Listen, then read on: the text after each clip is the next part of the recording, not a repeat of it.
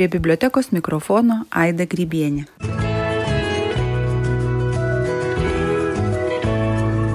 1945 m. spalį išleistas Kazio Borutos romanas Baltaragio malūnas arba Kas dėjosi anuo metu paudruvės krašte pirmajame tarybų Lietuvos rašytojų suvažiavime pristatytas kaip vienas pirmųjų sovietinės literatūros pasiekimų. Vėliau tiesoje pasirodžius romaną triuškinančiai Genriko Zimano recenzijai, Glavlitas kūrinio išleidimą pavadino didžiausia cenzūros klaida. Kūrinys, nors ir turintis tam tikrą meninę vertę, tačiau persunktas misticizmo ir kovos su nelabaja jėga velnio asmenyje, beprasmiškumo idėjos, nes velnės galų gale nugali teigiamus kūrinio herojus. Knyga įtraukta į draudžiamos literatūros sąrašą ir perduota į specialaus saugojimo skyrių. Kazis Borutas e, suimtas 1946 m.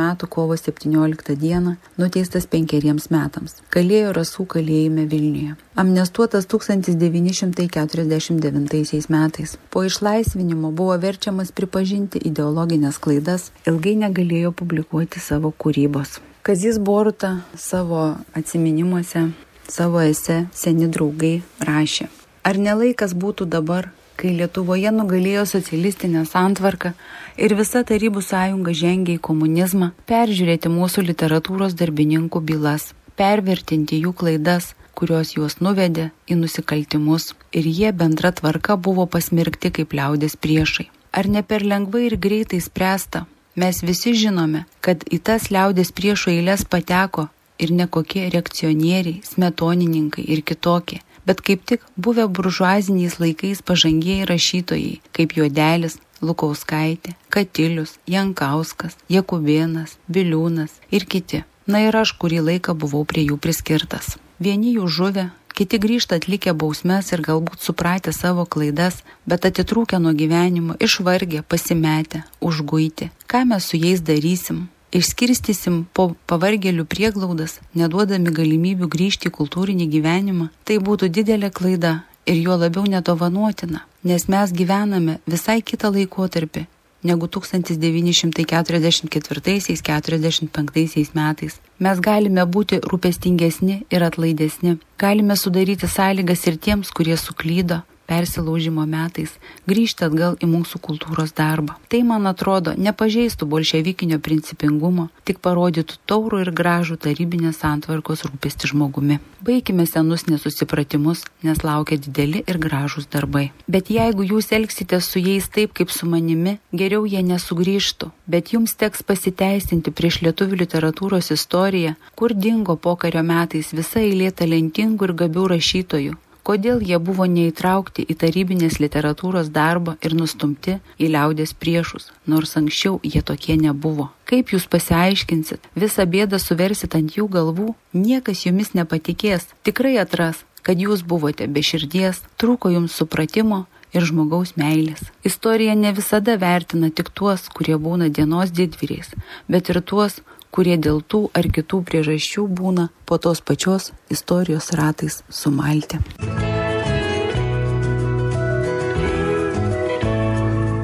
Vijuko Kojalavičiaus Lietuvos istorijos cenzūravimas 1979 metais.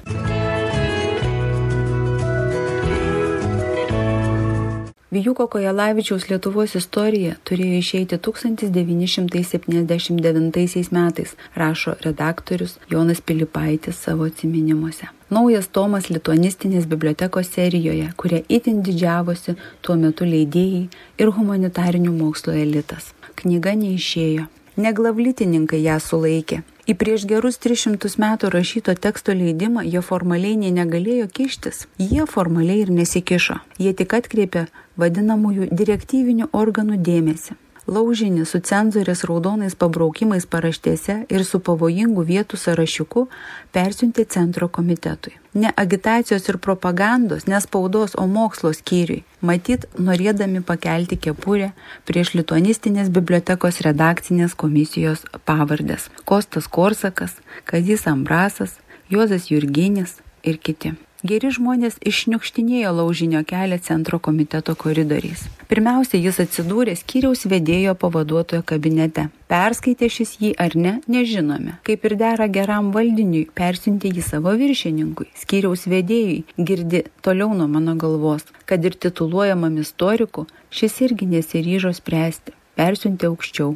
Trečiajam. Na ir tam jau nebebuvo kur dėtis. Atsidūrė žmogus tikrai keblioje padėtyje. Sakys, Tegu knyga išeina, apkaltins liberalizmu. Metas, kaip tada šnekėjo centro komiteto vyrai, buvo sudėtingas. Į centro komitetą buvo iškviesti redakcinės komisijos nariai. Ar inkorporė? Nežinau. Diskusijos dėja nebuvo. Šita partija nepripažino diskusijų. Jis nenorėjo mūsų neklausyti, guodėsi vėliau Kostas Korsakas. Mėgino knygą ginti jos inspiratorius, Juozas Jurginis, bet ir jo žodžiai lyg žirniai į sieną. Neilgai trukus nusikaltelių linčiavimas leidykloje. Kaipgi užpyko trečiasis, šį kartą dorojo ne vien redaktorių, o jau visą grupę draugų. Paliko šią istoriją karčių nuosėdų, ypač dėl to, kad gerą dešimtmetį redaktorius buvo vadinamas ir į akis, ir turbūt už akių pagrindiniu knygos žudiku. Girdi būtų, ką ne ką pakupiuravęs ir baigtas kriukis, didelio matai čia daikto, nugnypti vieną ar kitą negerą maskvieno ar stačiatikio paminėjimą. Arba pavyzdžiui, išimti šitokią vietą itin nepatikusią cenzoriai, matyti dėl to, kad marginalinėje antraštėje jį įvardyta kaip baisus Lutsko rusų žiaurumas. 1988-aisiais Vijuko Kojalavičiaus knyga buvo pagaliau išleista 45 tūkstančių tiražu. Su neapsakomu džiaugsmu tada raitėme su Krasnovu titulinėme laužinio puslapyje tokius užkeikimo žodžius.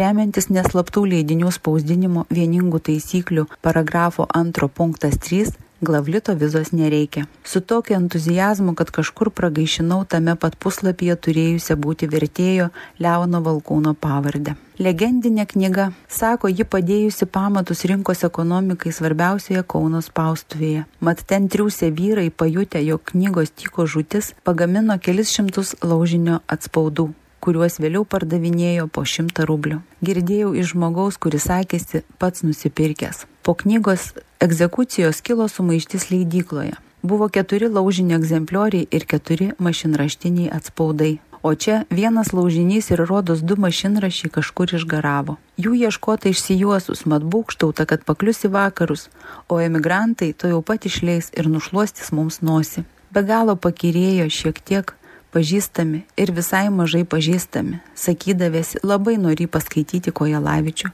Nesvarbu, ar laužinį, ar mašinraštį, žinok tu žmogau, ar jis nori tikrai nori, ar todėl nori, kad gavo uždavinį norėti.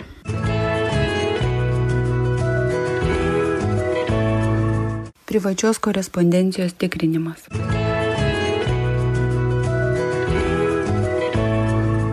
Iš SSRS į užsienį siunčiama korespondencija buvo kontroliuojama cenzūros. Vilniaus tarptautinio pašto paskirstimo punkte dirbęs Glavlito atstovas tikrino ne tik visas iš užsienio gaunamas, bet ir į užsienį siunčiamas banderolės su spaudiniais. Daugumą sulaikomų leidinių sudarė į atvirą Sojus Pičiat katalogą neįtraukti rajonų, miestų ir daugiatiražiai laikraščiai. Tačiau sulaikytųjų leidinių statistinėje lentelėje buvo ir grafa kiti, į kurią dažniausiai patekdavo idėjiškai įdingi nepriklausomos Lietuvos leidiniai ir sovietiniai leidiniai, neišleidžiami į užsienį specialiais direktyvinių organų nurodymais. Septintojo dešimtmečio pradžioje į užsienį buvo draudžiama siūsti Vytauto Rimkevičiaus romaną Studentai, trumpą Vilniaus adresų knygą, statistinių duomenų rinkinį Lietuvos TSR liaudės ūkis.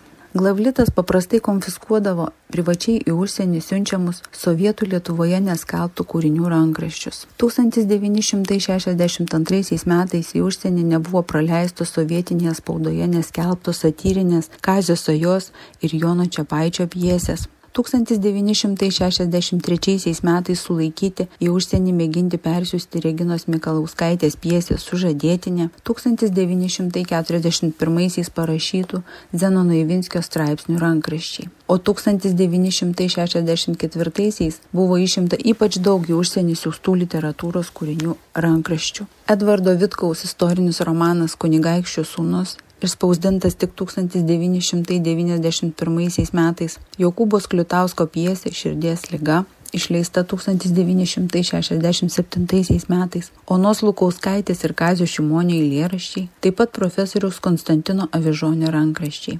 Nepaisant griežtos kontrolės būta atveju, kai sovietų Lietuvoje parašyti tekstai pasiekdavo išeivijos spaudą ir ten buvo publikuojami, autorių paslepiant slapyvardžių arba jo visai nenurodant. Vis dėlto tokie tekstai daugiausia būdavo perdodami dvasininkų žinomais valdžios netikrinamais būdais. Čikagoje buvo išleistos Marijampolėje gyvenusio kunigo Juozo Šalčiaus parašytos knygos apie arkivyskupą Mečislovą Reinį, kunigą Mykolą Krupavičių ir prelatą Konstantiną Olšauską. Manytina, kad neoficialiais bažnytiniais kanalais išeivijos žurnalą Aidai pasiekė ir Juozo Bočios lapyvardžių pasirašytas filosofo Broniaus Kuzmitskio straipsnis apie inteligentijos nuostatas religijos atžvilgių. Lietuvos mokslo akademijos e, bibliotekos e, fonduose yra saugomas cenzūros konfiskuotas profesorius Marijos Gimbutinės laiškas Norbertui Vėliui, kuriame jis siuntė savo straipsnio išspausdinto žurnale metmenys kopiją. Pažymėta vienu šešiabriauniu spaudu, kopija buvo perduota į Lietuvos TSR mokslo akademijos centrinės bibliotekos specialųjį fondą kaip savo atsiminimuose rašė Vytautas Trečiokas, kad Vilniaus muitinėje, kur buvo ir glavlito objektas, anais laikais te dirbo pusantro žmogaus. Juos vadino slaptaisiais patarėjais, nes mums nelabai norėdavo aiškinti, ką jie veikia. Bet vis dėlto žinojome, tikrindavo banderolę su periodiniais leidiniais, mokslinius straipsnius siunčiamus į užsienį. Taip pat iš užsienio gaunama lietuviška spauda ir knygas, kurias tautiečiai siuntė savo giminėms ir pažįstamiems bibliotekoms. Adresatai šios spaudos negaudavo. Leidiniai pakliūdavo į partijos istorijos institutą, Lietuvos komunistų partijos centro komitetą, dalis į trijų didžiųjų bibliotekų spets fondus. Dalis siuntų keliaudavo į Grigiškės ir pakliūdavo po peiliu popieriaus kombinate. Pasakojo Aida Grybienė.